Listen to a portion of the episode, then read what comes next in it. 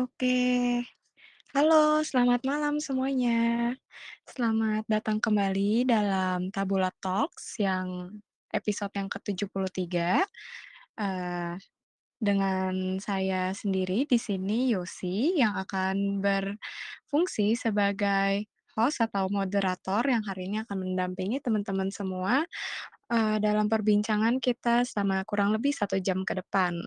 Hari ini temanya seperti yang sudah kita ketahui tentang gender toxicity, standing up against toxic gender expectations, dan hari ini, eee, aku udah ditemenin sama pembicara kita pada hari ini, yang nggak kalah keren abis dari pembicara-pembicara sebelumnya. Dia merupakan salah satu dari mahasiswi Fakultas Psikologi UNIK Atmajaya. Tanpa berlama-lama lagi, kita bisa panggil, eee, Magdalena Berta. Halo, Kak Magda. Eee, apakah Kakak sudah bisa untuk unmute? Oke, silakan Kak Magda.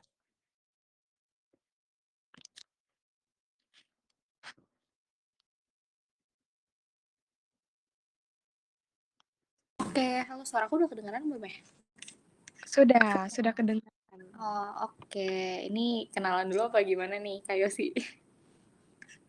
Iya, kita kenalan dulu aja kali ya, Kak.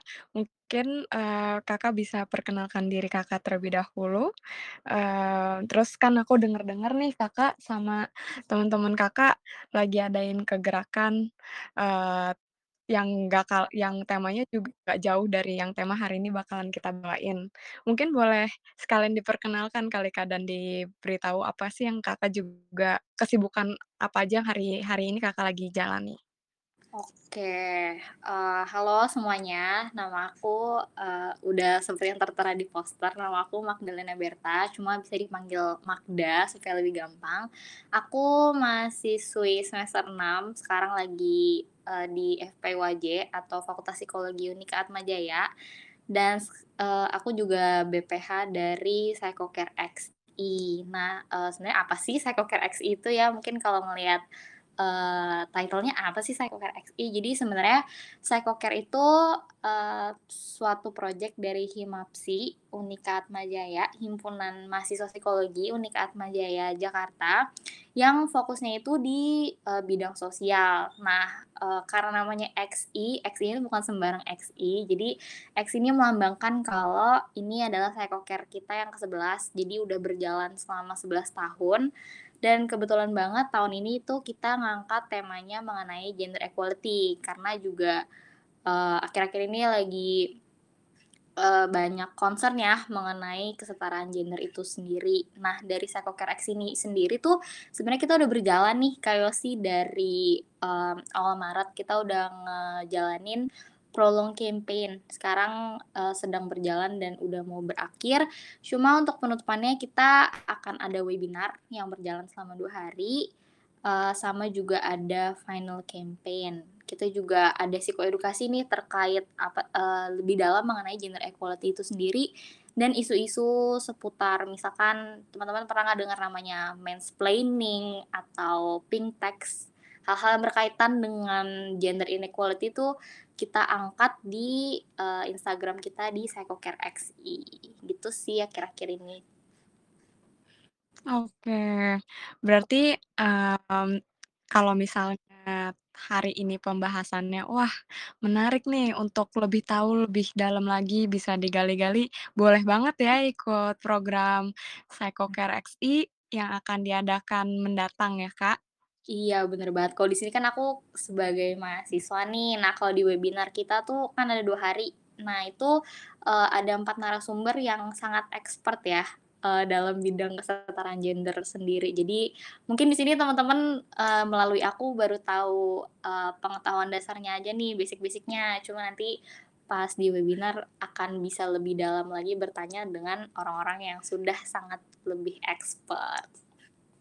Oke, mantap. Jadi nggak nanggung-nanggung ya, expertnya sekali ada langsung disediain 4. Betul. Dan, eee, tentunya mereka udah merupakan para profesional yang juga udah punya ja jam terbang untuk membahas lebih lanjut terkait, j apa, gender equality, gender toxicity, yang pokoknya ngomongin bahas tentang kesetaraan gender. Ok Oke, mmm, kalau gitu tanpa berlama-lama lagi, eee, mungkin kita bisa, eee, buka pembicaraan hari ini dengan apa sih itu, eee, gender toxicity itu dulu kali ya? Kalau menurut Kak Magda sendiri gender toxicity itu apa sih, Kak?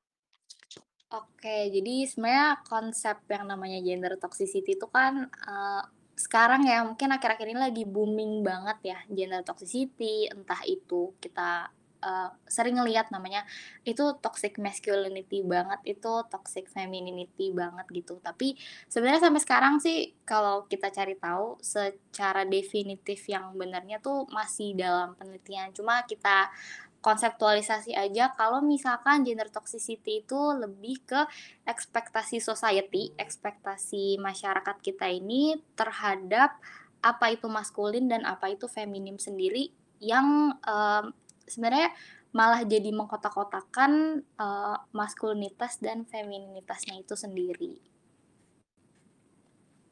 Oke, mmm, apa sih, Kak, ciri-ciri dari toxic femininity, toxic masculinity itu dalam kehidupan se sehari-hari tuh, contohnya tuh kayak gimana, Kak?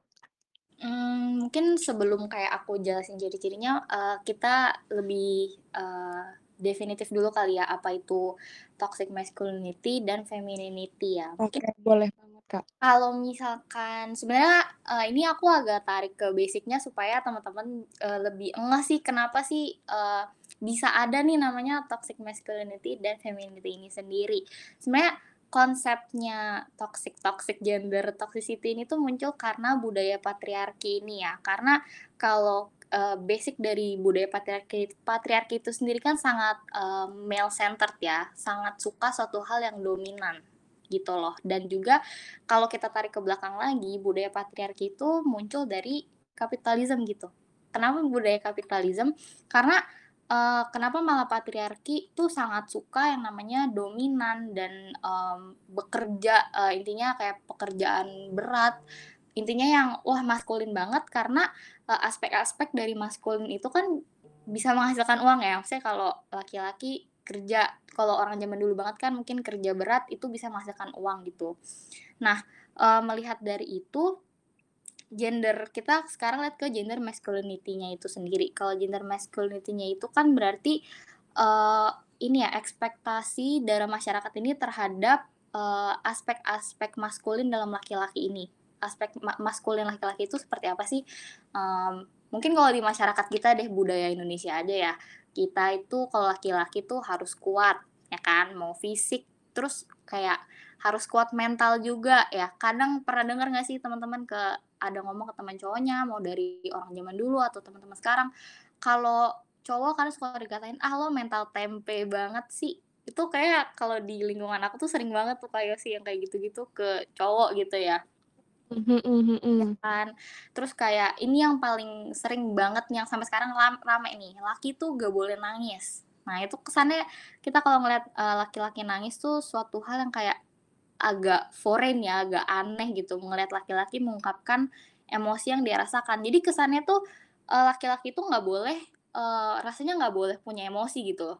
Kayak ya udah pendem aja sendiri gitu kan. Intinya lo harus bisa kerja, eee, lo harus kuat, lo harus bisa ngelakuin ini, itu, segala macem, dan ending-nya itu akan berkompetisi kan nih cowok satu sama lain. Nah itu kan masculinity-nya itu seperti itu. Nah kalau femininity-nya itu lebih kayak, eee, ekspektasi, eee, sosial ini terhadap, eee, perannya perempuan itu tuh harus selalu submisif gitu. Kayak, mmm, perempuan itu harus iya-iya aja. Udah harus Mmm. iya aja, terus kita tuh harus rasanya tuh mengutamakan kebutuhan orang lain, kesejahteraan orang lain dibanding diri kita sendiri gitu. Jadi, eee, kita rasanya tuh harus yang mungkin bahasa kasarnya kayak ngalah terus jadi perempuan, kayak gitu. Nah, ciri-cirinya sebenarnya mungkin teman-teman sendiri banyak ngalamin kali ya, ciri-ciri toxic masculinity, toxic femininity-nya. Cuma mungkin kalau toxic femininity contohnya, eee, ini aku contohin aja ya beberapa, mungkin ada yang relate karena aku sendiri pernah mengalami nih, Kak Yosi. Oke, silahkan. "Eh, duduk kok kayak gitu sih? Kamu tuh perempuan loh, duduk tuh harus yang rapi." Tuh. Mmm. Nah, duduk, perkara duduk. Terus kedua Iya. iya kan, terus kedua, leb eee, ini mungkin banyak dialami juga ya, "Eh, kamu perempuan jam segini kok belum rapi-rapi sih, bantu-bantu beresin rumah." Tuh. Iya betul banget. Ya kan, terus yang, eee, ketiga, mmm, kalau yang ketiga biasanya, eee, "Udahlah, ngapain sih kamu tuh perempuan, kita tuh harus kita yang ngalah." Itu jujur sih aku sering banget dengar itu dari mama aku sendiri. Kalau yang itu aku Mmm. nggak tahu sih teman-teman ngalamin juga apa enggak, tapi kalau mamaku selalu bilang kayak intinya kita tuh kalau perempuan harus kita yang ngalah. Nah, di situ aku ngerasa kenapa kita sebagai perempuan harus kita yang ngalah, padahal kayak kalau kita benar kenapa kita harus mengalah gitu kan. Yang keempat, perkara pakaian, "Kamu pakai baju nggak boleh kayak gini, nggak sopan, nggak rapi." Kalau di sekolah-sekolah tuh ya kadang, eee, kita ngelihat kalau perempuan misalkan pakai rok deh kayak aku nggak tahu sih ini kalau di sekolahku ya dulu, pakai rok yang kayak pas di atas lutut atau di atas lutut dikit tuh udah ditegur gitu. Tapi temen cowok aku yang kayak harusnya sih pakai kaos dalam, tapi dia pakai kaos beneran kaos gitu. Terus, eee, bajunya keluar-keluar, terus, eee, intinya nggak rapi, nggak ditegur. Gitu. Jadi kesannya kenapa perempuan tuh harus yang selalu rapi gitu kan. Terus kayak kalau ada mhm. tamu, "Ayo dong kamu, eee, bawain minum, bawain apa," intinya harus entertain tamu itu gitu. Nah, kal Mmm. kalau toxic masculinity-nya itu kayak gimana sih contohnya? Mungkin sebenarnya banyak terjadi, tapi kadang kita nggak terlalu ngeh karena balik lagi kita menganggap kalau laki-laki itu tuh harus kuat gitu ya. Kadang kalau misalkan cowok bercanda gitu ya, kan kadang cowok bercanda suka kayak agak, eee, keterlaluan gitu ya. Terus ada yang, eee, marah gitu, ini kejadian beneran temen aku pas SMA. Eee, "Eh, gue nggak suka ya lu ngomong kayak gitu," gitu ke temennya. Terus temennya bilang, "Ah, lu gitu aja baper banget sih, cowok apaan lu?" Kayak gitu, ya kan bercanda doang. Jadi Mmm. kesannya kenapa cowok harus men eee, apa ya, nggak boleh menyuarakan kalau dia, eee, maksudnya perasaan dia tuh tersinggung atau dia terluka gitu. Terus, eee, yang kedua biasanya, eee, giman kalau misalkan ngelihat cerita-cerita, eee, orang jadi bapak rumah tangga gitu ya. Kan sampai sekarang suka masih memandang sebelah mata bapak rumah tangga gitu. Banyak banget tuh di sosmed aku bilang, eee, aku lihat dibilangnya, gagal jadi seorang suami karena di rumah doang, nggak menghasilkan uang, malah istrinya yang cari uang. Padahal kan kayak itu bukan kodrat maksudnya kodrat secara dari kodratnya kan bukan harus banget cowok yang nyari uang gitu loh. Mhm mhm. Tuh. Jadi, eee, terus nggak boleh nangis juga gitu, kesannya kayak, "Lemah banget sih lo gitu aja nangis." Kan tuh sesama teman-teman cowok gitu kan. Mhm Nggak mhm. terus ini kadang yang menariknya, eee, aku sering denger ini dari ini sih, generasi orang tua kita ke anak muda, eee, anak muda sepantaran kitalah. Misalkan, eee, cowok speak up atau misalkan kayak gimana-gimana menunjukkan sisi emosionalnya dia, aku dengernya tuh kadang suka kayak, "Alah payah banget sih anak cowok zaman sekarang, lemah." Kayak gitu-gitu. Padahal mereka hanya meluapkan ya apa yang mereka rasakan gitu loh. Nggak bisa mereka nggak bisa benerin ledeng, nggak bisa ganti gas, nggak bisa ngapa-ngapain yang dianggapnya adalah kerjaan cowok, "Gagal lu jadi cowok gitu aja nggak bisa." Itu loh yang perkataan itu kayak kenapa bisa ada perkataan gagal jadi cowok, gagal jadi cewek, itu suatu hal yang sampai sekarang aku masih agak, kenapa kita harus ada kata-kata seperti itu. Itu sih ciri-ciri, eee, yang paling umum ya. Sebenarnya Yang kita dengar sehari-hari ya. Iya betul. Betul betul, ada banyak banget. Mungkin kalau aku bisa tambah, aku sebagai perempuan, aku juga sering tuh ngalamin yang tadi kamu alamin. Kayak bagaimana harus menjaga pakaian, terus habis itu kayak sekarang kan jujur banget model pakaian itu banyak mengalami perkembangan dan perubahan kan, Iya eee, baju dikeluarin sedikit dibilang, "Kok lu tomboy?" Waduh, "Kok lu nggak feminim? Kok lu, Mmm. eee, rapi jadi anak?" Terus, mmm, kadang ekspektasi orang tentang cewek tuh memang sangat disoroti kayaknya tentang kerapihan. Aku rapinya menurut aku tuh jujur banget beda sama rapinya mamaku. Kayak Iya iya, betul. rapinya mamaku tuh kayak rapi yang perfect gitu, Mhm. yang kayak menjadi panutan seluruh seluruh-seluruh yang ada yang ada di muka bumi ini kayaknya. Enggak eh, tapi Kak Yosi mungkin ada satu hal sih yang mau aku tambahkan yang menurut aku cukup Oh, krusial ya, karena kita suka nggak ini sih sikap asertif, satu, di perempuan. Itu, Mmm, kayak eee, gimana? sikap perempuan yang opinionated ya, yang, eee, memiliki opini, memiliki pendirian, itu dianggapnya tuh rese loh, jujur. Aku banyak ngeliat yang Mmm. gitu. Kayak, "Apa sih lu udah apaan sih? Kok kayak gitu? Kenapa sih lu keras kepala banget jadi perempuan?" Iya, bener bener. Iya, Tapi kayak kalau di laki-laki itu dilihat sebagai, ya suatu hal yang, "Wah, gila keren banget nih cowok punya opini dan pendiri pendirian yang kayak gini," gitu. Iya Itu iya. yang kayak, wah kenapa nih kita harus selalu submissive dan kenapa nih laki-laki nggak boleh, eee, apa ya, nggak boleh menunjukkan si emosional sama sekarang sih mungkin ya, merawat diri kali ya, Kak Yosi? Betul betul, tadi aku juga mau tambahin itu, betul banget. Ya Karena kan? kebe iya, karena kebetulan aku punya kakak, kakakku tuh laki-laki, eee, terus kakakku tuh sama kayak aku, suka skincare-an. Nah, suatu ketika ada adalah temen aku, eee, yang main ke rumah itu perempuan sih, cuman dia tuh nanya, "Kok" eee, a aku biasa manggil ka kakakku tuh sebutannya koko, eee, ditanya, "Kok koko lu skincare-an?" Terus kayak aku bilang, "Lah kenapa kalau skincare-an?" Terus Iya. habis itu iya, dia bilang, "Ih, kayak cewek." Aku bilang, Iya. "Lah aku kayak cewek." Iya, padahal kayak, lah bukankah, eee, baik pria maupun wanita sama-sama punya tubuh yang perlu dijaga dan perlu dirawat Betul gitu kan. betul betul. Kulit kita kan sama aja ya, nggak ada bedanya nih kulit cowok kayak lebih keras apa gimana tuh kan nggak ada tuh ya.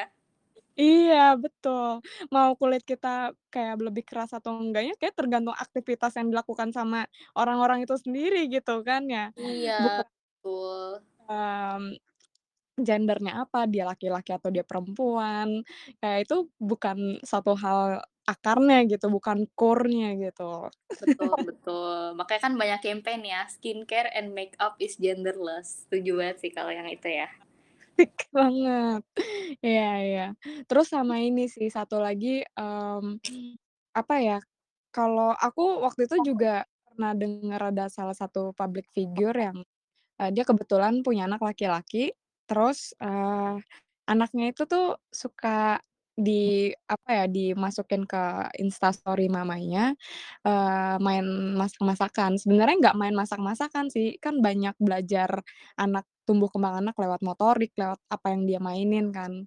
Terus, eee, aku suka bagaimana dia menjawab para netizen yang bilang, "Loh kok anaknya laki-laki main masak-masakan kayak perempuan? Loh kok anaknya nggak dikasih mainan mobil-mobilan sih? Loh kok loh kok?" Jadi kayak, loh kok Oh orang-orang iya. kayak ja lau ja jauh lebih tahu daripada diri kita sendiri gitu. Padahal kan, mmm, sebenarnya diri kita kan nggak ditentuin apa kata orang juga kan. Jadi kayak, eee, kadang hal-hal yang seperti ini tuh sangat membuat, apa ya, kayak suatu standar lah ya, kayak Betul. dan itu sebenarnya nggak perlu kita, eee, penuhi karena, eee, sebagaimana kita diri kita ada sekarang, bukan karena kata-kata orang gitu ya. Iya, betul betul banget. Betul betul. Iya, aku suka oh aku belum kasih tahu, eee, bagaimana cara dia menjawab, eee, orang tuanya tuh bilang, eee, kebetulan papahnya jadi suaminya itu, eee, papa dari anaknya itu dia memang chef. Terus habis itu, eee, ya mungkin, eee, banyak teman-teman di sini yang tanpa aku sebut namanya juga pasti teman-teman tahu mungkin ya beberapa. Mmm, ya papanya tuh chef, terus habis itu, eee, chef-nya itu cukup terkenal, sering kita lihat juga di TV-TV. Oke. Dekat dengan lingkungan kita pasti mungkin teman-teman juga pernah makan produk makanan dari restorannya. Oh, udah mulai tahu sih, Kak, yang mana. Iya, tapi aku nggak mau sebut merek lah. Iya iya.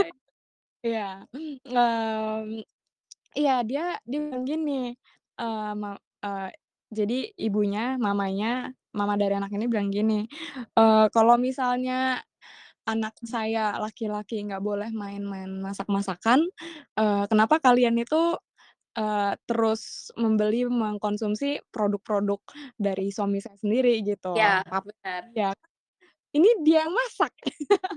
Dia Iya. dia mainnya di dapur loh, gitu. Jadi kayak, eee, "Kenapa kalian mengagumi suami saya sebagai chef, sedangkan anak saya juga laki-laki?"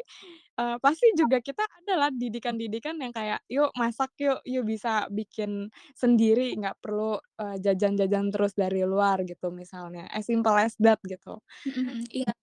Betul, itu makanya mungkin agak menyerempet ke double standard juga ya, Kak. Maksudnya karena dibilangnya perempuan itu ngurus dapur, rumah, jadi kesannya laki-laki yang melakukan hal itu tuh suatu hal yang asing dan jadinya tuh feminim. Padahal masak itu adalah suatu basic skill ya, harusnya semua orang Iya. nah, tapi, eee, akan jadi admirable kalau misalkan cowok ini jadi chef, which is menghasilkan uang.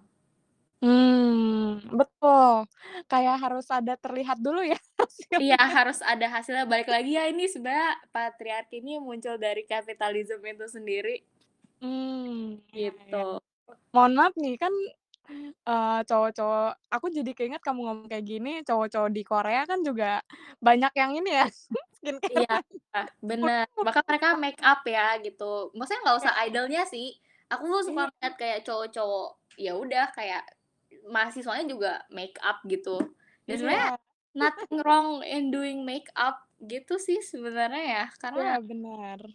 bagian dari penampilan juga kalau mereka boleh bergaya secara pakaian, kenapa mereka nggak boleh mereka boleh bergaya secara rambut, kenapa mereka juga nggak boleh bergaya melalui wajah mereka gitu loh. Betul, toh itu sama-sama ngomongin penampilan. Betul. Betul. Kayak memang, apa ya, mmm, hal-hal yang seperti ini tuh kayak kan banyak ya jadinya kayak, eee, mungkin kita punya pendapat seperti ini, tapi mungkin di luar sana banyak orang-orang punya pendapat lain gitu, kenapa mereka bisa, eee, berfik berkata seperti itu, pasti kan ada pola pemikiran mereka sendiri kan. Memang ini kita semua ini ngomongin tentang perspektif ya, balik lagi. Betul. Tapi kayak, eee, aku juga jadi, eee, menyadari satu hal, perspektif kita ini tuh juga bisa membangun budaya jadinya ya.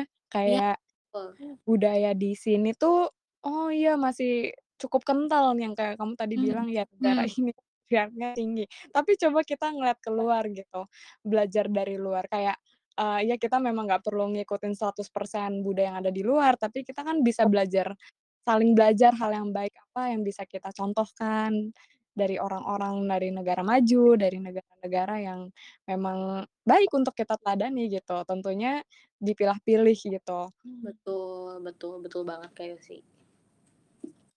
Oke. Terus, eee, kalau kita kan tadi udah udah ngomongin nih tentang ciri-ciri, contoh, terus kayak apa sih bedanya toxic femininity sama toxic masculinity. Nah, kalau menurut Kakak sendiri, eee, toxic baik toxic femininity sama toxic masculinity itu disebabkannya tuh karena apa sih, Kak? Eee, mungkin tadi udah sempet aku singgung ya, eee, jadi ya bisa munculnya the idea of to eee, gender toxicity ini pasti muncul dari budaya patriarki itu sendiri gitu. Eee, nggak Mmm. iya kan, maksudnya kita nggak bisa, eee, apa ya, nggak bisa ini kalau kita ngeliat dari perspektif Indonesia aja kali ya, jangan ke luar negeri karena itu budaya udah beda. Budaya kita tuh masih sangat, eee, apa ya, bisa dibilang tuh masih pelukan nih budaya, apa, budaya Indonesia sama budaya patriarki itu sendiri gitu loh. Maksudnya, eee, nggak usah jauh-jauh kali ya, mungkin teman-teman kalau misalkan di keluarga deh gitu, maksudnya aku sebagai anak perempuan nih, aku sharing aja ya. Kita tuh harus banget kayak ngelayanin ayah kita gitu, karena kenapa? Karena dia yang udah nyari uang gitu loh. Jadi, Mmm, kita yang harus kayak serving dia pas dia ada di rumah gitu. Jadi kayak kita yang nyiapin makan, kita yang, eee, nyiapin segala kebutuhan dia gitu loh. Bahkan kayak kalau misalkan, eee, suami istri gitu ya, misalkan kayak istrinya nyiapin pakaian kayak gitu-gitu. Sebenarnya kalau misalkan emang dinamika pasangannya seperti itu nggak apa-apa, tapi ya itu sebenarnya udah bagian dari, eee, patriarki ya, karena perempuan yang melayani gitu kesannya. Karena kita submisif, ya udah di rumah aja gitu loh. Lagi dari, eee, patriarki yang udah sangat nempel banget, maksudnya coba kita lihat dari budaya mana aja ya, kita sebut mau da eee, dari budaya Jawa, budaya mana, pasti kayak kita perempuan yang, ya udah di rumah aja, yang masak, yang ngurus anak gitu kan kayak aduh orang zaman dulu suka ada bahasanya tuh ya, dapur, anak, sama apa gitu kita ngurusnya. Mmm, iya iya. Kan maksudnya ini tuh sebenarnya udah cukup concerning banget ya budaya patriarki di negara kita sampai Kartini aja nih sampai sekarang kan jadi terkenal ya karena dia memperjuangkan emansipasi perempuan. Mmm. Hanya Iya. karena apa, dia mau hak dia untuk pendidikan loh, bukan untuk, mmm, menyaingi laki-laki gitu. Dia hanya mau hak dia untuk mendapatkan edukasi. Berarti kan sampai kayak edukasi aja kita sulit untuk kita dapatkan ya, itu kan berarti memang udah sangat sangat apa ya, join di dalam budaya kita sendiri gitu loh. Maksudnya Mmm. sekarang sih, sampai sekarang juga nggak bisa dipungkiri ya budaya patriarki masih ada, meskipun dia udah modernize lah ya budaya patriarkinya. mhm mhm. Soalnya kalau ngomongin buda budaya gitu kan maksudnya udah dari turun-temurun kan, kayak itu Betul. Kayak nggak apa ya, mmm, Susah ya, susah dari ubah. iya susah gitu, nggak bisa tapi memang, eee, cukup bisa dibilang mustahil karena kita memang, eee, budaya patriarki memang cukup kuat, eee Mhm. tapi bukan berarti perubahan itu nggak bisa terjadi, tergantung Betul. setiap kitanya masing-masing bagaimana mau meresponinya ya. Mhm, betul. Sebenarnya seperti ini sih, kalau kita ngomongin budaya kan pasti ada perannya ya, peran setiap, eee eee, masyarakat di dalamnya gitu. Anggaplah ada peran laki-laki, ada peran perempuan, di mana peran laki-laki ya pasti dia melindungi, mengayomi lah intinya ya. Terus kalau perempuan ya pasti dia yang lebih ada secara emosionalnya, dia yang lebih inilah karena memang, eee, secara, eee, maksudnya kalau dalam sudut pandang mana-mana kan perempuan juga yang lebih peka ya maksudnya secara emosional. Cuma Mhm. perannya itu tuh jangan, eee, apa ya, kalau kita lihat budaya dulu-dulu kan kaku banget ya, ya udah laki tuh ini aja, perempuan ini aja udah, nggak bisa deh kita keluar dari, eee, lingkup lu sebagai laki-laki dan lu sebagai perempuan gitu. Nah, maksud yang kita Mmm. ubah di sini adalah kita memunculkan suatunya fleksibilitas di dalam peran itu, Kak. Mmm, setuju banget setuju banget, fleksibel. Itu memang diperluin banget sih karena balik lagi sebenarnya, mmm, baik pria maupun wanita tuh sebenarnya sama aja ya, nggak Iya. ada eee, iya kita memang punya perbedaan, tapi sebenarnya perbedaan kita itu bukanlah kayak yang digeneralisir, "Oh berarti, eee, perempuan yang harus ada standarnya, standar untuk lo menjadi perempuan, ada checklist-nya, nggak iya. memenuhi checklist-checklist itu lo belum jadi perempuan." Betul, iya. Iya kan kadang suka bercanda ya, orang kayak ngatain, "Ah, lu kayak nggak kayak perempuan aja lu kelakuannya kayak gitu," atau kayak, "Ah, lu nggak kayak cowok aja lu kayak gitu." Kan Iya, sampai sekarang masih banyak banget yang kayak gitu dan Iya iya iya. hal apa yang membuat kita tidak menjadi perempuan dan laki-laki? Sebenarnya ini yang harus disinggung juga sih ya, sampai saat ini kan masih ada kontra mengenai orang yang memperjuangkan kesetaraan gender itu ya, kebanyakan kayak, eee, cowok cowok "Oh ya udah kalau kita udah kesetaraan gender gue bisa mukul elu dong." That's not the point gitu, kita mem iya apa, iya. kita, eee, mau memperjuangkan, eee, kesetaraan gender, ada lagi, "Ya udah kalau gitu entar, eee, lo jadi kuli aja," dari cowok ngomong ke perempuan gitu ya. Kayak maksudnya, Mmm. eee, bukan seperti itu gitu, karena, mmm, yang kita perjuangkan itu bukannya kita mau jadi sama ya, karena equal itu nggak sama dengan sama, gitu ya. Mmm, Karena mhm. basis dari kita dari orang zaman dulu sampai sekarang aktivis kesetaraan gender yang kita cari, yang mau kita ambil adalah opportunity-nya, Kak. Jadi di mana laki-laki sama perempuan mempunyai opportunity yang sama, mempunyai opportunity untuk memilih apa yang mau mereka lakukan gitu loh, tanpa Mmm. Batasan gitu. Jadi bukannya kayak ya, eee, entar kan suka bercanda tuh ya kayak, "Ya udah entar kalau ada perang lu perempuan juga maju dong, eee, apa, jadi tentara," gitu. That's not the point. Opportuni eee, kesetaraan gender adalah memberikan, eee, opportunity bagi perempuan ini, lu mau jadi tentara apa enggak gitu loh. Mmm, ya ya ya ya ya. Benar benar benar. Ya. Highlight banget, not not ba betul. Dan satu lagi ya, maksudnya kesetaraan yang mau kita cari itu kesetaraan gender, bukan kesetaraan seksualitas gitu. Kalau kesetaraan gender, gender itu kan suatu social construct ya, dibikin sama, eee, masyarakat nih, kita dari orang itu zaman dulu Mhm. sampai sekarang gitu. Sedangkan kalau seksualitas ya apa adanya kita pas kita lahir secara biologis gitu, iya kan? betul. Berarti kalau orang bi 2 berbeda. Iya, kalau ada, eee, cowok bilang, "Ya udah kalau kesetaraan gender, eee, lo ini dong," apa, kayak, eee, angkat barang berat sendiri atau kayak angkat galon yang sendiri atau, eee, melakukan hal-hal yang sebenarnya di luar kapabilitas, eee, biologis perempuan. Berarti kan udah salah ya maksudnya. Yang kita Mmm. kan perannya kita nih, kita mau punya inilah, yuk peran kita tuh kita samain beban Mmm. bebannya gitu ya. Sedangkan kalau yang sebanyak ini yang kontra yang aku banyak lihat tuh kebanyakan adalah mereka malah lebih ke kesetaraan seksualitas, yang jelas-jelas kita udah beda gitu loh. Tubuh laki-laki dan tubuh perempuan udah punya kemampuan, kapabilitas, dan kodratnya sendiri gitu. Kayak ya sebagai perempuan kita nggak bisa, eee, mengelak kalau ya udah kodrat kita adalah kita melahirkan, kita punya anak, ya karena laki nggak bisa. Ya udah itu kan udah seksualitas kita, ya memang ada perbedaan gitu loh di situ, tapi Mhm. Jangan bikin itu jadi eee, untuk, eee, membentuk suatu pagar gitu loh antara laki-laki dan perempuan gitu. Mmm, iya iya, setuju banget setuju banget. Aku aku ini nih, aku, eee, tarik kesimpulan poinnya nih bagus banget nih yang tadi Kak Magda bilang.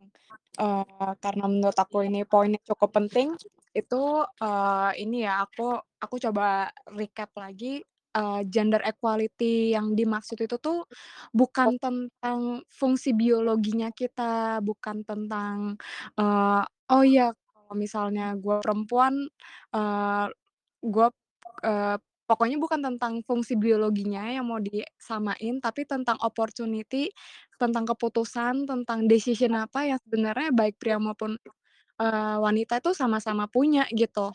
Mmm, bagaimana kita mau bertindak selanjutnya itu itu yang sama gitu ya, bukan Iya, fungsi biologisnya kita. Fungsi biologisnya kita memang dari kita lahir, Udah ya begitu beda. ya.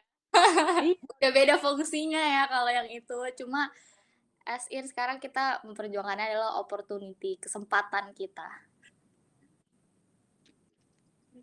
Iya, betul betul betul betul. Oke, terus kalau tadi kan kita, mmm lagi bahas tentang ap apa sih yang menyebabkan toxic femininity sama toxic masculinity. Nah, itu Mmm. kan penyebabnya tadi, eee, dari luar ya, budaya, faktor eksternal. Nah, menurut Kak Magda sendiri, ada nggak sih, eee, sebenarnya yang menyebabkan itu faktor itu tuh dari dalam, dari internal diri sendiri? Mmm, kalau menurut aku dan dari so far apa yang udah aku baca dan cari tahu pelajari ya, sebenarnya tuh 100% tuh dari budaya eksternal itu sendiri. Tapi kalau ini udah terlalu integrated dalam suatu budaya, udah dijadikan suatu habit, suatu norma ya, ini mungkin udah dibilang suatu norma, itu akan memunculkan namanya internalized patriarch patriarch ini sih.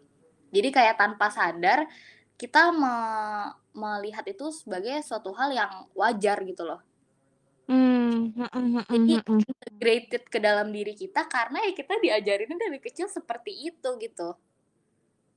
Mmm, Eee, iya. contohnya seperti, eee, mungkin aku bisa kasih contoh ya, aku dibesarkan oleh orang tua yang baby boomer yang which is tuh pasti patriarki banget, di mana kayak, "Ya lu perempuan lu harus dengerin gue as suami dan kayak gue suami, ya udah gue cari kerja aja, lo yang ngurus anak," gitu kan.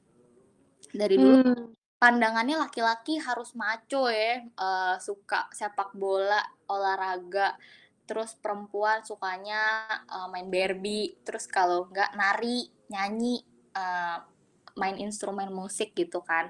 Nah setelah ber eee, aku gede kan ya kita mengenal lah sosial media, kita melihat dunia luar, negara lain yang mungkin mereka lebih maju dalam gender equality ini sendiri, di mana aku kaget pertama kali SMP ngelihat, eee, cowok make up. Aku kaget lihat gitu, kayak, eee, ngelihat kayak drag gitu kita bilangnya kayak banci gitu ya, maksudnya harusnya Mmm, udah nggak boleh ngomong, tapi kaget aja kan kita ngelihat. Nah Mmm. ya kan? Tapi sampai sekarang ya karena kita udah terpapar dan kita memahami kalau make up adalah ekspresi individu, Mmm. kita menerima kan. Tapi masih ada satu hal sih yang menurut aku kayak ini sebenarnya suatu ajaran yang sebenarnya aku masih belajar untuk nggak, apa ya, nggak ngelihat aneh adalah cara cowok berpakaian gitu, karena kalau ngelihat cowok pakai rok aneh kan ya?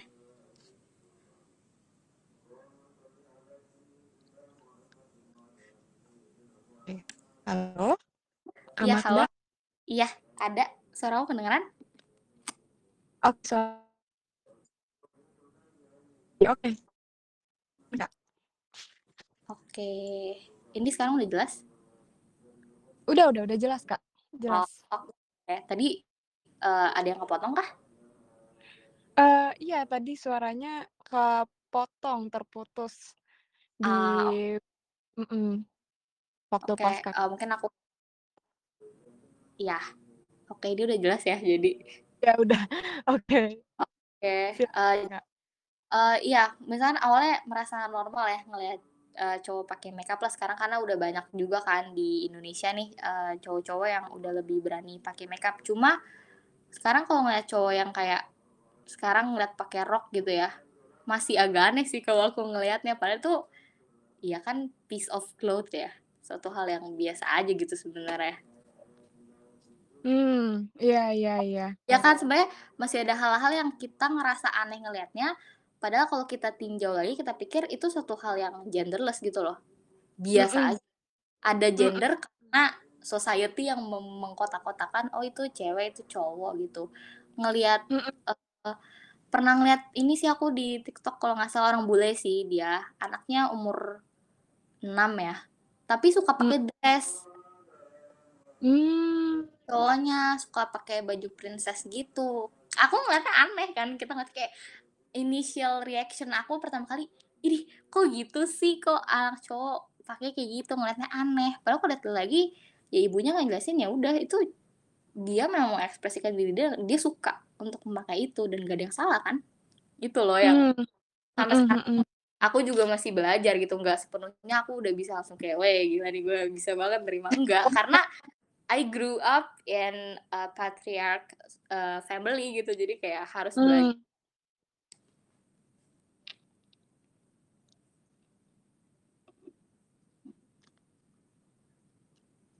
Oke, eee, halo Kak Magda? Iya, wait Oke, sebentar, mungkin suar aku mau switch, eee, tethering dulu kali ya, soalnya agak lagi hujan soalnya. Oh, iya boleh boleh, Kak. Sebentar ya, aku, eee, mute dulu supaya, eee, agak lebih kondusif, sebentar ya. Oke, kan, Kak. Mungkin sambil nunggu Kak Magda tethering, eee, aku mau nambahin sedikit sih dan, eee, aku sependapat sama yang tadi Kak Magda, eee, omongin gitu. Eee, tadi kan terakhir kita ada bahas tentang sebenarnya toxic femininity sama toxic masculinity itu disebabkannya itu ada nggak sih kalau dari faktor internal. Eee, terus kan kalau dari yang, eee, Kak Magda katakan berdasarkan apa yang dia juga udah research, eee, sejauh ini masih karena faktor budaya gitu, tapi ada, eee, orang yang memang jadinya yang kayak tadi dia bilang patriarchs internal, eee, itu kayak mungkin kalau aku bisa simpulin jatuhnya itu ke arah apa yang dia dapat dari luar, lalu dia kelola dan dia percayai mungkin ya. Karena dia mempercayai apa yang ada di luar, ya jadinya, mmm, ya ya udah, eee, jadilah jadinya patriarchs internal itu. Tapi misalnya mungkin dia menganggap bukan sebagai suatu hal yang kayak kebenaran mutlak, dia, oh ya udah cukup denger aja tapi bukan percaya sebagai kebenaran mutlak, mmm, mungkin akan beda jadinya. Kayak kalau kita tadi ingat, eee, pembicaraan yang di awal, yang awal-awal banget eee, sebenarnya itu tuh balik lagi ke diri kita sendiri masing-masing gitu, bagaimana kita menanggapinya, bagaimana kita menanggapi budaya yang ada, gitu. Oke, mungkin teman-teman karena di sini waktunya juga udah menunjukkan pukul 7.41 menit, eee, udah buka nih, eee, sesi tanya jawab. Kalau ada teman-teman yang mau bertanya, eee, lewat kolom chat, eee, kolom komentar di sini, silakan banget. Mau, eee, open mic, eee, juga teman-teman boleh banget, eee, untuk langsung, eee, unmute nanti aku akan allow to speak, gitu. Sini eee Oke, I'm back. Kedengeran?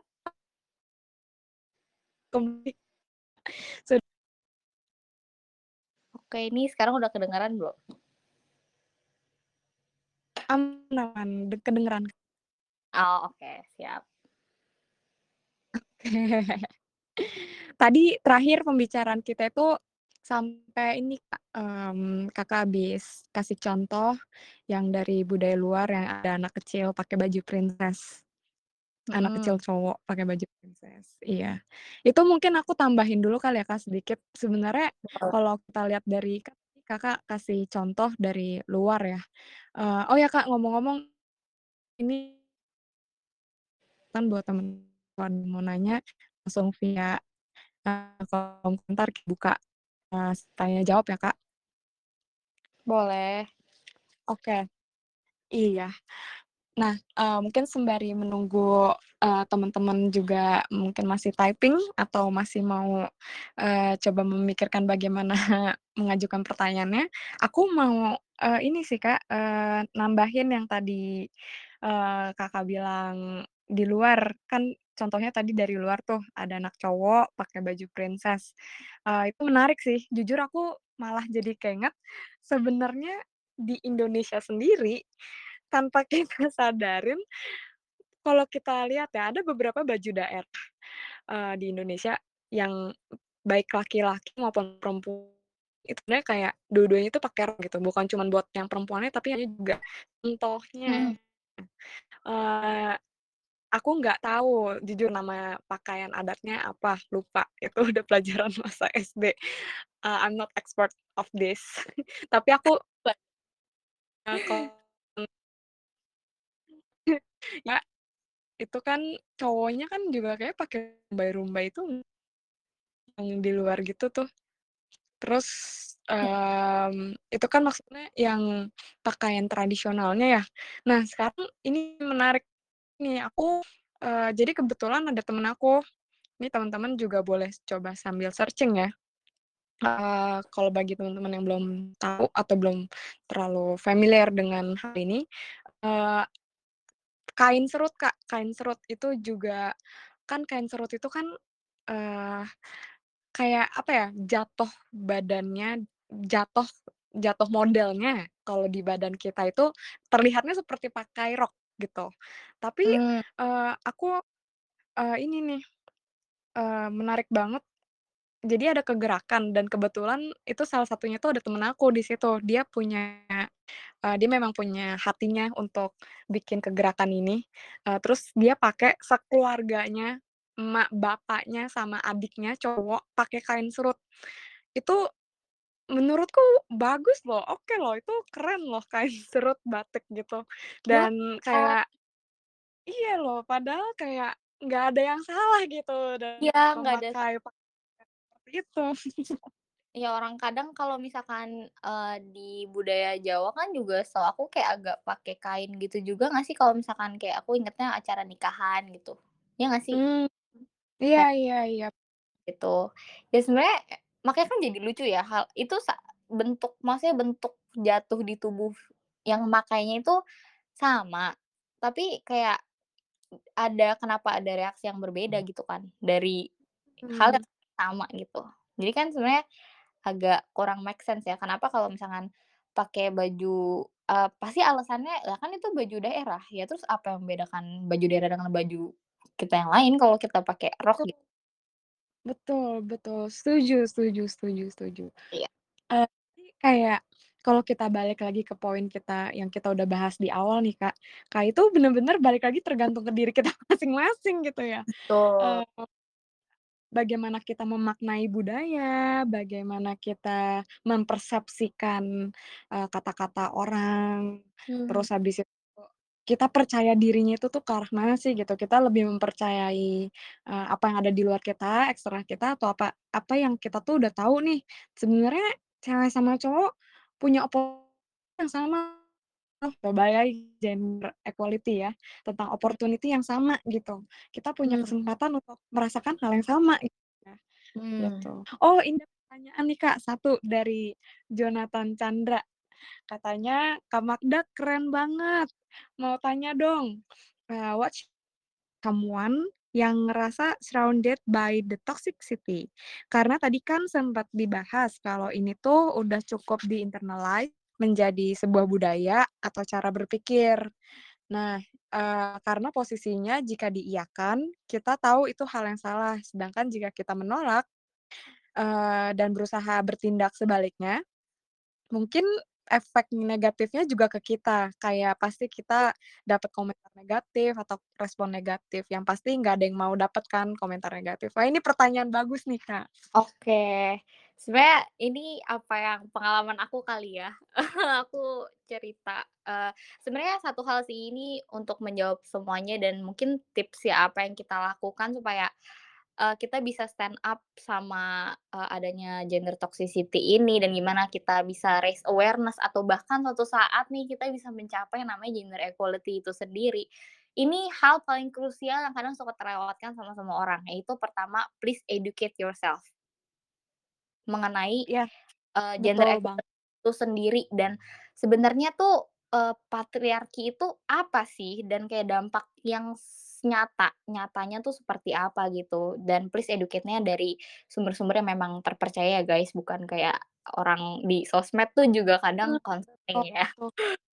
Ya Yang kan? sumber ada terjamin kredibilitasnya lah ya, Kak, sama validitasnya. Betul, iya betul. Dari kan sekarang juga banyak ya, eee, aktivis-aktivis yang memang, eee, udah terpercaya, udah semakin banyak gitu ya. Dan what should we do as someone, mungkin pertama setelah eee, mungkin aku sharing ya, kalau dari aku setelah aku merasa kayaknya there's something wrong with how the society works, especially surrounding aku di keluarga ya, apalagi apalagi keluarga kan kita nggak bisa pungkiri kita kayak, ya hidup sama mereka ya, gitu kan. Mmm. We do setelah kita educate diri kita mengenai sebenarnya tuh sebagai individu, jangan ngomong laki-laki atau perempuan, apa yang sebenarnya sebenarnya tuh gue layak untuk dapatkan gitu loh. Yang Mmm. eh, nggak Iya, betul. nggak nggak melanggar hukum apa pun, it's just me being myself and expressing myself. Itu nggak ada yang salah dari hal itu, gitu. Dan, mmm karena tadi ya pet eee, jadi kayak lebih apa ya, harus berani untuk stand up dengan, eee, untuk diri sendiri sih sebenarnya. Kayak kalau memang kita merasa ini adalah suatu hal yang benar, setelah kita mengedukasi diri kita dan kita merasa, "Oh ya, this is the right thing to do, karena memang I deserve untuk melakukan hal ini." Ya udah, Mhm. lakukan itu dan berdirilah untuk diri kamu sendiri. Karena kalau kita nggak mulai dari diri kita, gimana kita bisa merangkul society ini loh untuk bisa mencapai gender equality itu sendiri gitu. Dan Mmm. negatifnya ya, sometimes, eee, ada masanya, eee, kita kesel ya pasti kayak, "Ada aja sih lu balesannya ya," kita ngejelasin gitu ya.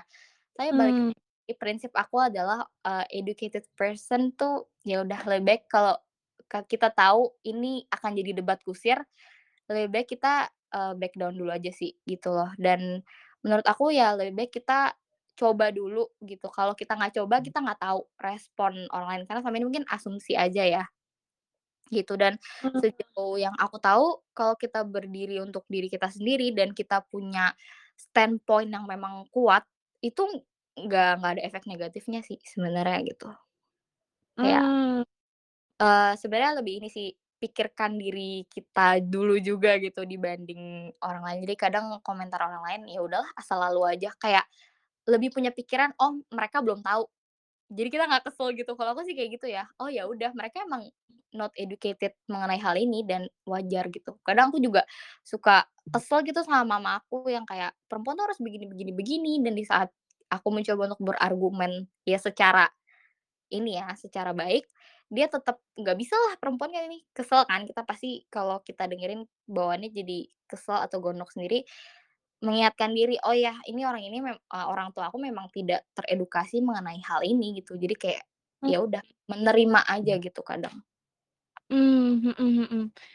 Jadi, eee, kalau aku juga boleh tarik kesimpulan dari kata-kata Kak Magda, eee, sebenarnya suatu hal yang negatif itu nggak akan menjadi negatif kalau kita pun juga punya perspektif, eee, bagaimana kita memaknai hal yang negatif itu untuk diri kita sendiri ya. Kayak, eee, kita tuh mau memaknainya sebagai suatu hal yang membangun diri kita atau, eee, ya udah sebagai angin lalu aja, cukup tahu, dengerin aja, tapi nggak yang sampai dihayatin, Betul. diresapin, Iya. gitu. Dan akhirnya malah jadi impact lagi ke kitanya ya, hal negatif itu. Iya. Love yourself dulu lah guys, jangan terlalu dengerin yang kayak gitu. Mhm, betul betul. Berarti sebenarnya kita pun juga sebenarnya butuh ya, maksudnya kayak bukan komentar negatifnya, tapi mungkin kita coba, eee, rescrun eee eee, rekonstruksikan kembali gitu ya, eee, Mhm. komentar-komentar enak didengar tuh sebagai suatu masukan aja kali ya jadinya, masukan atau kritikan.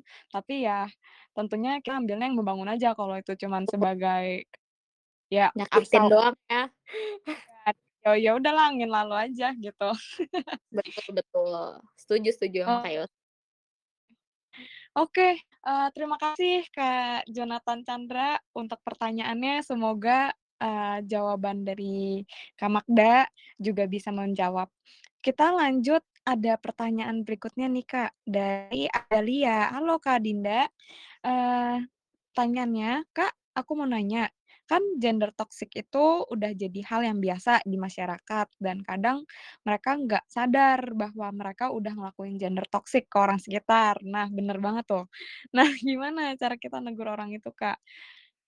Oke, te kalau cara ampuh aku adalah aku tanya. Mmm. Aku tanya dengan misalkan, "Emang kenapa kalau ngelakuin A, B, C? Emang ada salahnya ya? Boleh point out nggak salahnya di mana?" Mmm, menarik menarik menarik. Jadi kayak sebenarnya, eee, ajak orang itu mikir balik, tapi juga nggak yang nyinggung Iya. gimana-gimana ya? Heeh heeh. Betul, karena Ajak mikir ya? Betul, karena, eee, kalau aku sih pikirannya bukan ak hanya aku yang mempertahankan pengetahuan aku mengenai gender equality itu sendiri, tapi setidaknya tuh aku mau memberikan insight juga ke orang yang nggak tahu. Jadi sebenarnya kalau kalian menemukan hal toxic kayak, eee, dibicarakan atau lewat tindakan, kebanyakan sih dari, eee, ucapan ya, yang orang terdekat kita lah, gitulah pastinya ya. Ya kita kan pasti pengennya orang-orang ini tuh paham mengenai hal ini gitu. Jadi sebenarnya aku menganggap orang-orang yang melakukan hal ini menjadi opportunity aku untuk bikin Mmm. mereka ngeh gitu, kayak, "Wah, Mhm. itu sebenarnya nggak kayak nggak bener loh kalau kayak gini." Jadi kita challenge, eee, statement mereka, jangan kita, "Lo salah kayak gini gini gini," gitu, jangan. Karena kalau misalkan kita, mhm. eee, dengan negur kayak gitu, ya coba kita di posisi mereka. Pasti kan "Apaan Mmm. sih sotoy banget lu, ini SJW banget lu yang kayak gini-gini," gitu. Mhm, Ya kan? A Gitu. Kayak di kita juga sempatnya kayak ini perspektif orang yang berbeda ya, bagaimana, eee, dia misalnya misalnya seperti itu, pikirannya lagi sendiri yang kita tidak tahu asal-usulnya. Jadi Betul. kita pun juga belajar untuk nggak jadi orang yang judgemental ya dari hal ini ya. Betul, iya supaya kita juga paham sih kayak, "Kenapa sih lu punya pemikiran kayak gitu?" Dan biasanya setelah aku tanya, aku akan counter dengan apa yang aku tahu, kayak, "Nggak tahu, emang apa masalahnya cowok kalau misalkan pakai makeup? Emang dengan pakai makeup, eee, seksualitas mereka langsung ganti? Mereka langsung jadi perempuan? Mereka langsung jadi, eee, gay or transgender segala macam? Kan enggak, itu cuma ekspresiin diri mereka. Emang itu mengganggu kamu?" Betul betul betul. Iya itu, eee, kayak apa ya, kita sebenarnya juga lagi defense buat diri kita sendiri, tapi juga bukan defense dengan cara yang menyakiti orang lain ya, Betul, eee, nggak offense banget ber gitu deh. jadi saling memahami, saling mentoleransi di sini. Betul. nice. Oke deh, eee, thank you buat pertanyaannya Kak Adinda, semoga, eee, jawabannya bisa menjawab. Eee, oke ini ada pertanyaan lagi dari Y, eee, "Kak mau tanya, gimana cara menanggapi komentar orang lain tentang kepribadian diri sendiri? Contoh, aku kan cewek nih, hehe." Sama dong kayak kita. Tapi kalau lagi bicara tuh bener-bener nggak bisa yang halus sebagai cewek. Tenang, aku juga kok orangnya. Iya iya, Kesan nada-nada bicara lagi ngegas gitu loh. Jadi asik nggak sih? Oh salah, enggak ya. Tapi kayak kayak kayak setuju sih karena, eee, bener ya ini pertanyaan dia balik lagi ke kepribadian orang masing-masing. Terus dia bilang, jadi banyak yang kritik gini, "Kamu cewek apa nggak bisa halus sedikit? Apa kalau bicara kok kasar sih?" Aku cuma bisa jawab, "Lah bisanya gini, mau gimana dari sananya dah gini." Gitu salah nggak sih, Kak? Kan yang tanggep yang baik yang kayak gimana? Boleh, Kak Magda.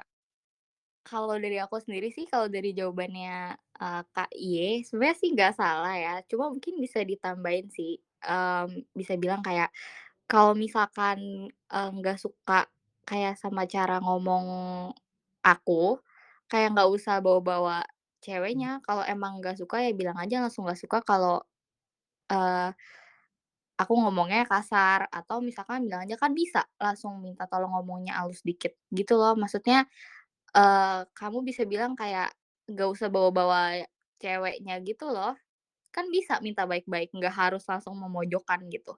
Kayak, "Emang ngomong baik-baik nggak bisa ya? Minta ngomong pelan-pelan." Gitu sih kalau aku biasanya. Mmm, mhm mhm mhm. Eee, tudu kayak langsung nuduh ya kayak, "Lu cewek apaan dah ngomong kasar banget," gitu ya kan. Kan kesannya kayak Mmm, kalau misalkan dia bilang, "Eh, sorry banget bisa nggak sih, eee, omongnya halus dikit, kasar banget." Itu kan beda ya, jadi beda mhm, beda konteksnya gitu. Iya, betul. Mhm, gitu. Sebenarnya so far yang kamu lakuin udah oke-oke aja sih, emang ya emang dari sananya mau gimana ya, Iya, udah oke kok, gitu. Cuma kalau mau ditambahin dari tadi aku bilang juga nggak apa-apa. mhm. Eee, jadi sebenarnya, eee, ini kan kayak si Kak Y ini minta semacam validasi ya dari, eee, Kak Magda juga. Eee, jadi sebenarnya apa yang Kak Y itu lakukan dibilang salah juga enggak ya, Kak? Nggak Mak salah, itu nggak salah sama sekali, emang ya dari sananya. melakukan yang terbaik juga gitu untuk dirinya sendiri. Iya, betul. Sebagai perempuan, sebagai orang yang juga punya kepribadian, dan kepribadian manusia kan ada banyak ya, Iya semuanya sama iya, betul, gitu Kak. Mmm, semoga menjawab jawaban atas pertanyaan Kak Y dari kami, eee, wah ini ada berapa nih, satu 2 oke ada 2 lagi, masih bisa. Dari pertanyaan selanjutnya ada dari Kiki. Halo Kak Kiki. Eee, ini pertanyaan dari Kak Kiki, eee, jadi Kiki ini mau nanya, perempuan di desa sepertinya agak sulit untuk berkarya, berkontribusi ya, mmm, banyak juga nih aku dengar hal ini. Dan Mmm, tambah lagi adanya hambatan-hambatan dari tradisi yang berlaku. Bagaimana caranya agar para perempuan tersebut dapat berkarya dan berkontribusi desa walaupun menghadapi hambatan masih tersebut? Terima kasih. oke. Oke. Mmm, ini pertanyaannya cukup agak berat ya. Eee Iya. Eee, mungkin aku coba jawab dengan, secara lebih realistis aja kali ya. Eee, kalau misalkan di desa kan setahu aku pasti udah ada kayak, eee, strukturalnya sendirilah ya, budaya-budaya lokal tertentu dan ada petinggi-petinggi tertentu. Tapi, eee, sebenarnya bisa nih kita lakukan dari perempuannya sendiri ini loh, para perempuan yang ada di desanya ini. Kita harus, eee, antara mereka yang mencari tahu sendiri atau bisa diedukasi mengenai kayak, oke perempuan tuh bisa loh lebih dari hanya, eee, kerjaan rumah dan ngurus anak aja, bisa lebih dari itu, bisa loh ngelakuin ABC ABC gitu kan. Nah Mmm. tapi sebenarnya mungkin mereka tahu nih, mereka bisa, mereka punya potensi. Tapi balik lagi ini adalah dampak ya sebenarnya dari internalized patriarch itu, perempuan tuh tanpa sadar kita jadi submisif tahu. Kita jadi lebih submisif kayak, "Ah udahlah kita nggak bisa ngelawan, eee, apa, ngelawan, eee, peraturan-peraturan atau budaya yang udah berlaku," gitu. Itu Mmm. internalize seperti itu. Sebenarnya mereka tahu gitu, tapi sometimes takut untuk, eee, apa ya, berdiri gitu loh, eee, tanda kutip kita analoginya takut untuk berdiri gitu. Nah gimana caranya dapat berkarya sebenarnya, eee, adanya bisa terjadi suatu breakthrough ini kan kalau misalkan para perempuan ini bisa berkontribusi nih da dan berkarya dalam desa kan ini breakthrough ya. Tidak bisa Mmm. dilakukan hanya oleh satu perempuan saja. Semua perempuan sana tuh harus ter-educate juga. Mereka harus berani. Gitu loh. Mmm. Mereka harus berani kayak, "Oke kita kita kita," ya ini bahannya kita bukan saya lagi, "kita sebagai perempuan tuh bisa loh untuk sama-sama duduk di sebelah laki-laki dalam bekerja." Bukan yang Mmm. hanya aja di rumah. Tapi itu butuh yang namanya edukasi dan sama namanya gimana kita memberikan kalau misalkan berkarya kita berikan sumber dayanya, dan inilah yang namanya masih concerning ya di negara kita ini. Maksudnya nggak usah ngomong perempuan di desa, di kota aja sekarang masih sulit ya perempuan untuk, eee, punya opportunity yang sama dalam dunia bekerja juga. Jadi it's Mmm. a long way tapi percaya sih one day kita bisa mencapai di mana kita bisa mengedukasi perempuan-perempuan di desa-desa. Karena contohnya kayak Kartini lah, dia kan nggak di Jakarta ya dia, tapi dia bisa. Nah itu berarti itu, harus berani untuk berdiri bagi diri dia sendiri. Dan sa sesama perempuan juga harus saling merangkul gitu loh. Mmm. Mhm mhm. Setuju setuju. Eee, ini perumpamaan yang bagus sih Kak, eee, nyinggung tentang Kartini. Kartini kan, eee, lahirnya juga dari orang yang zaman dulu ya, maksudnya bukan lahir di, Zaman eee, sekarang. kota Iya betul.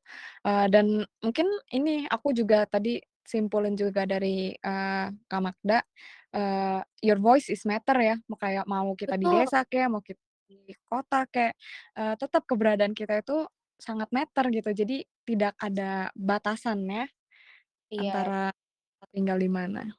Betul. Oke, thank you, eee, Kak Kiki buat pertanyaannya. Semoga, eee, jawaban dari kami bisa menjawab. Eee, lanjut di sini ada Kak Zaskia. Halo Kak Zaskia, di sini Kak Zaskia bertanya, "Aku tuh suka banget pakai baju hitam karena memang nyaman, tapi mama aku suka banget, ah, bilang, 'Kamu nih terlahir perempuan, pakaian tuh la kayak perempuan, jangan seperti laki-laki.'" Oh ini nyinggung warna ya. Aku Mhm. nggak tahu nanggepinnya gimana, aku pakai baju hitam. Oke.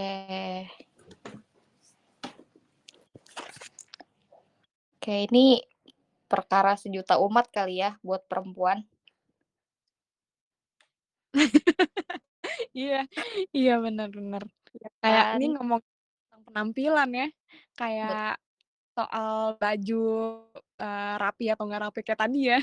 Iya, kalau enggak, "Rambut kamu kok warnanya begitu, M nggak mmm, mhm. perempuan." Lah, kenapa warna rambut ini nggak perempuan gitu kan. Mhm. Kalau ini sih sangat, eee apa, dekat sama aku ya pengalamannya. Kalau aku sih, kalau aku biasanya aku langsung kayak nanya sih, aku selalu nanya sih kalau misalkan diginiin sama orang, sama mama aku gitu. Biasanya aku nanya, "Emang ada aturannya ya, kalau misalkan perempuan harus Mmm. pakai baju warna tertentu ya? Emang, eee, kalau ada Mmm. tulis di mana?"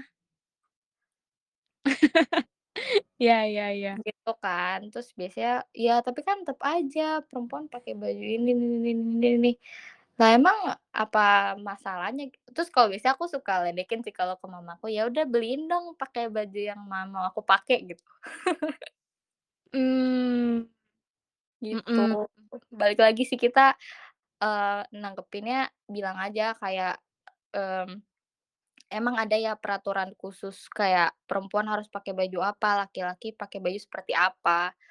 Eee, ya aku nyamannya seperti ini, aku suka warna ini dan maksudnya baju yang dipakai juga masih sopan kan, nggak nggak nggak Mmm. mengganggu penglihatan orang lain kan, gitu. Mmm, mhm mhm. Mmm, menurut aku hal seperti ini ya, ini sih memang se rasanya sepele ya, cuma efeknya tuh kayak akan sangat controlling banget gitu loh dari orang tua jadinya ya.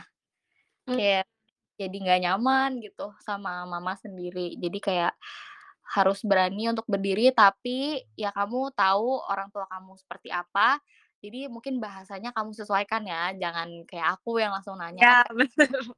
ada orang tua yang, "Kamu nanya gini, eee, kurang ajar," gitu. Kalau orang tua kan santai, kalau orang tua kamu disesuaikan cara penyampaiannya gitu. Mmm, mhm mhm, betul, setuju banget, eee, kan ini kayaknya tadi ada 3 orang ya yang nanya, bagaimana cara nanggepinnya, eee, kayaknya keseluruhan sama ya cara nanggepinnya. Tentu kita, mmm, dengan cara yang baik-baik gitu, Iya. eee, pastinya cara ngomongnya baik-baik, tapi kan cara aja nggak cukup, kita juga harus cerdas ya, teknik Betul. apa yang kita sampaikan, kontennya itu berbob kayak bisa impact nggak sih buat orang, misalnya kita ngomong, ya ya udahlah gitu kan kayaknya juga orang juga nggak akan ngerti gitu perspektif kita, kita juga nggak bisa mengerti perspektifnya mereka dan ya udah akhirnya kayak gini-gini aja terus, Iya, mmm, budaya ini akan terus terpelihara. Iya, intinya kalau misalkan kayak kasusnya Zaskia sih setelah kamu state kayak emang ada, terus kayak kamu utarakan apa yang kamu rasakan, kayak, "Aku nyaman kok dengan pakai baju kayak gini, emang Mmm. kan, eee, yang aku pakai juga nggak terlalu ter-expose atau saltum ya, salah kostum gitu, tetep Mmm. diterima sama orang lain, kenapa nggak boleh?" Segala macam, terus ya bercandain. Terus solusinya apa dong kalau misalkan, eee, apa namanya, solusinya kalau misalkan aku tetap mau pakai baju it hitam dan mama berprinsip seperti itu, kita harus gimana? Jadi carilah jalan tengahnya gitu, Mmm. berdialog sama orang tua, kadang kan kita jarang ya berdialog sama orang tua gitu. Mmm, ya ya ya, jadi makin makin jarang diskusi, makin jarang bertukar pikiran, kita ya makin sering miskom jadinya. Betul, mungkin ini kita juga nggak paham kan maksudnya orang tua kita tuh apa, dan orang tua juga nggak paham kita apa yang kita rasain, karena kadang kita suka gengsi nggak sih? Betul. Iya. Oke deh, terima kasih buat pertanyaannya, eee, Kak Zaskia, eee, semoga jawaban dari kami bisa menjawab pertanyaan Kakak ya. Nah, ini kita udah nggak kerasa nih Kak, 1 jam lewat berlalu nih Kak, udah jam 8 mau lewat 10 aja, ternyata pembicaraannya ini ya, sangat menarik Seru ya? sekali. Iya, dan ini kalau lihat dari komentar-komentarnya, mmm, dan bagaimana respon-respon teman-teman, kayaknya oke nih untuk teman-teman kalau mau ikut, eee, berdiskusi lebih lanjut di webinarnya Psychocare yang tadi ya, Kak. Iya, bener banget, boleh banget, ayo guys join karena, mmm, narasumbernya ini mungkin aku spill aja kali ya, Kak Yossi ya. Oke, ada boleh boleh banget.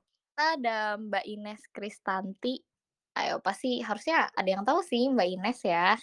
Iya, udah sering ngomong di mana-mana ya. Betul, nah itu kan kalau Mbak Ines dari sisi psikologisnya ya, terus kita juga, mengundang Ibu Irma Martam. Nah ini sebenarnya jarang kedengar, tapi sebenarnya dia spesial banget loh guys, karena dia tuh research mengenai gender equality di Indonesia. Jadi dia sangat resourceful, lebih bisa menjawab, eee, pertanyaan-pertanyaan kalian mengenai isu gender equality di Indonesia dalam skala yang makro lah ya, ini kan kita mikro nih hari ini ngobrolnya. Git Mmm, betul betul, ini kita I baru pembicaraan-pembicaraan sebenarnya pembicaraan-pembicaraan basic sekali ya. Betul, iya betul banget, tapi nggak apa-apa lah, we start small ya, untuk bisa Iya, betul. Terus di Multi hari keduanya nih kita ada change aktivis. everything sebenarnya.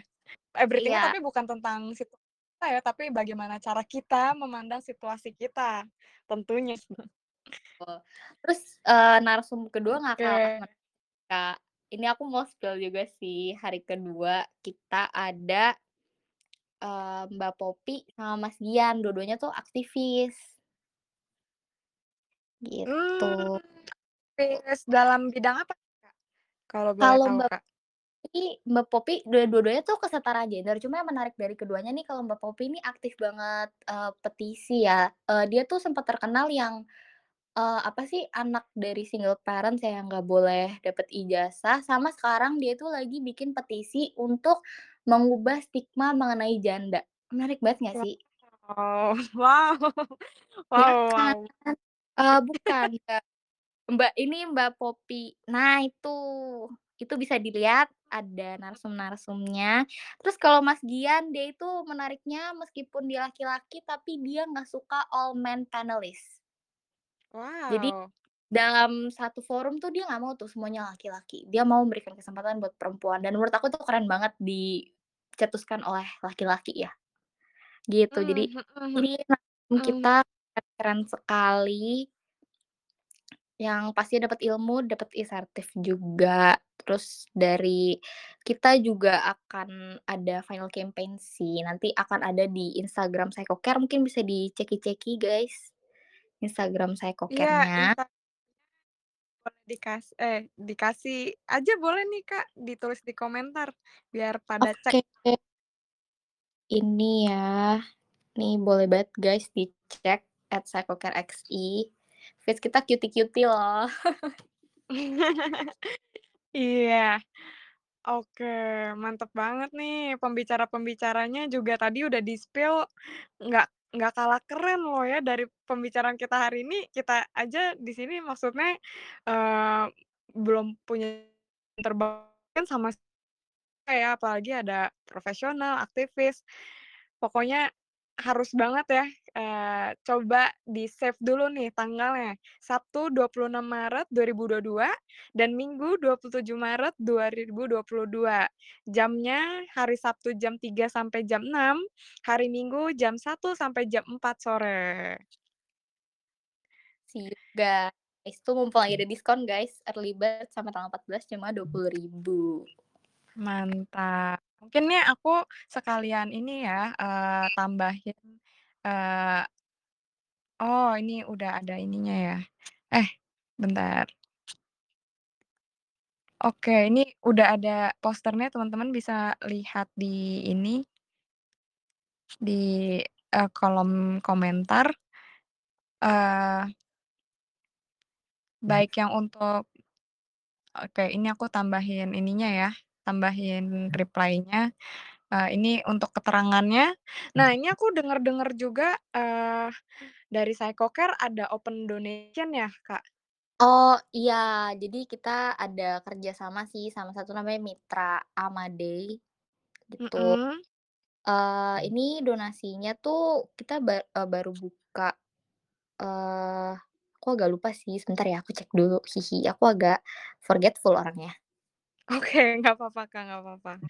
Ini aku sambil sambil ini ya, eee, kasih lihat itu donasinya dan ini Iya, keterangannya. jadi donasinya itu Open kita kayak donation. Iya betul, ini untuk ngumpulin apa ya, eee, lebih ke buat anak-anak gitu sih. Jadi kayak dari Mitra Amadey ini tuh dia, mmm, kayak ada menaungi beberapa gitu sih KYOSI. Nah itu ada Mitra Amadey sama Rumah Kerang. Jadi kita kayak mau ngasih ke anak-anak gitu deh. Eee, di situ juga tertulis kan yang bisa dikasih ada mau secara tunai boleh, dalam bentuk uang, atau barang-barang nih yang lagi diperlukan sama adik-adik kita di Rumah Kerang itu. Oke, boleh banget nih teman-teman yang punya beban hati, mau berbagi, saling tolong-menolong sesama ya, Betul. boleh banget ikutan donasinya di informasi yang diberikan. Oke, kalau gitu, eee, terima kasih banyak nih Kak Magda untuk, eee, sharing session-nya, untuk ngobrol-ngobrolnya, eee, untuk informasi-informasinya juga terkait Psychocare. Jadi ini aku sekali lagi, eee, ini ya, eee, kasih tahu ke teman-teman nih Kak Magda, eee, dari acara Psychocare ini sendiri, eee, kalau teman-teman terkait eh, tertarik untuk, eee, berbicara, eee, lebih dalam lagi tentang gender equality, silakan banget nih teman-teman ikut acaranya di tanggal hari Sabtu tanggal 26 Maret, eee, jam 3 sampai jam 6 sore, dan hari Minggu 27 Maret jam 1 sampai jam 4 sore. Itu untuk keterangannya juga udah diberikan di kolom komentar lebih lanjut.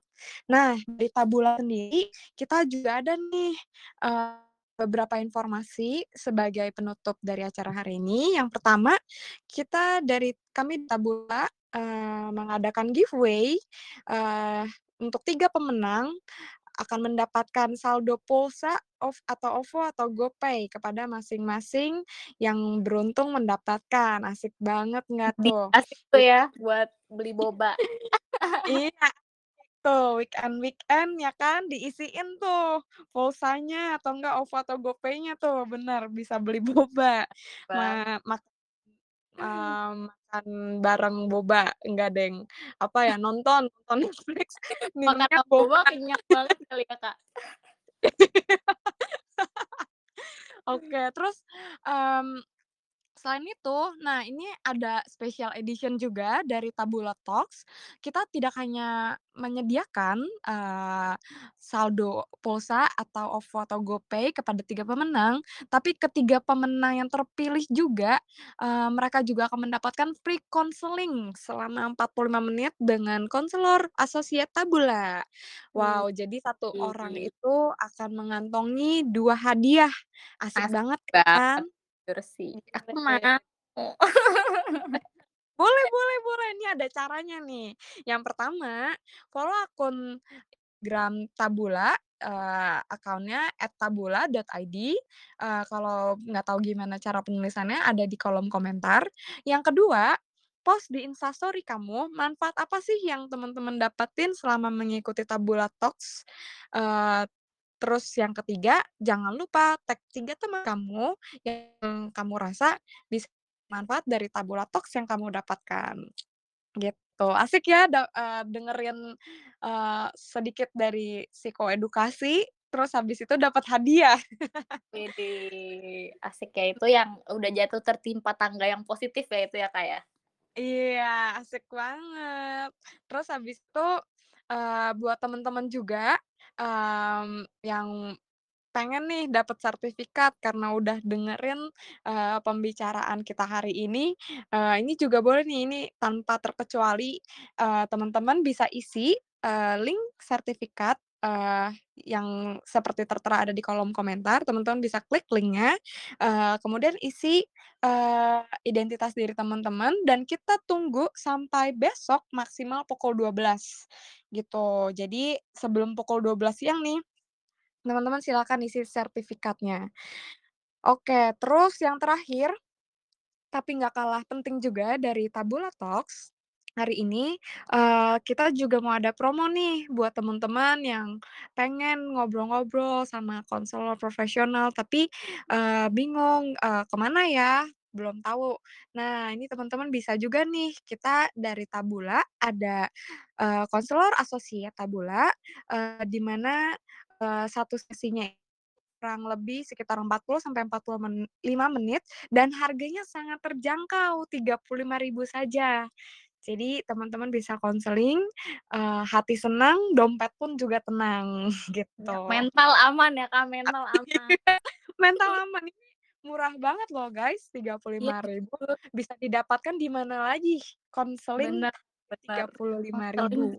Rp35.000 daripada jajan seblak, ya kan? Mending kita konseling. Iya iya. Mental mental first ya. Iya, mental first. Perut perut mah belakangan ya. Iya, kan udah sering self reward ya, sekarang kita, mmm, self reward-nya melalui konseling kali ya. Iya. Oke deh kalau gitu, eee, sekian teman-teman untuk sesi Tabula Talk episode yang ke-73 hari ini tentang gender toxicity.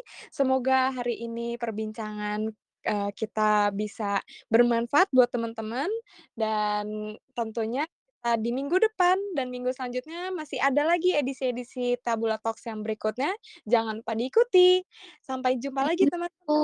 semuanya. Thank you, dadah, sampai berjumpa lagi di episode yang berikutnya.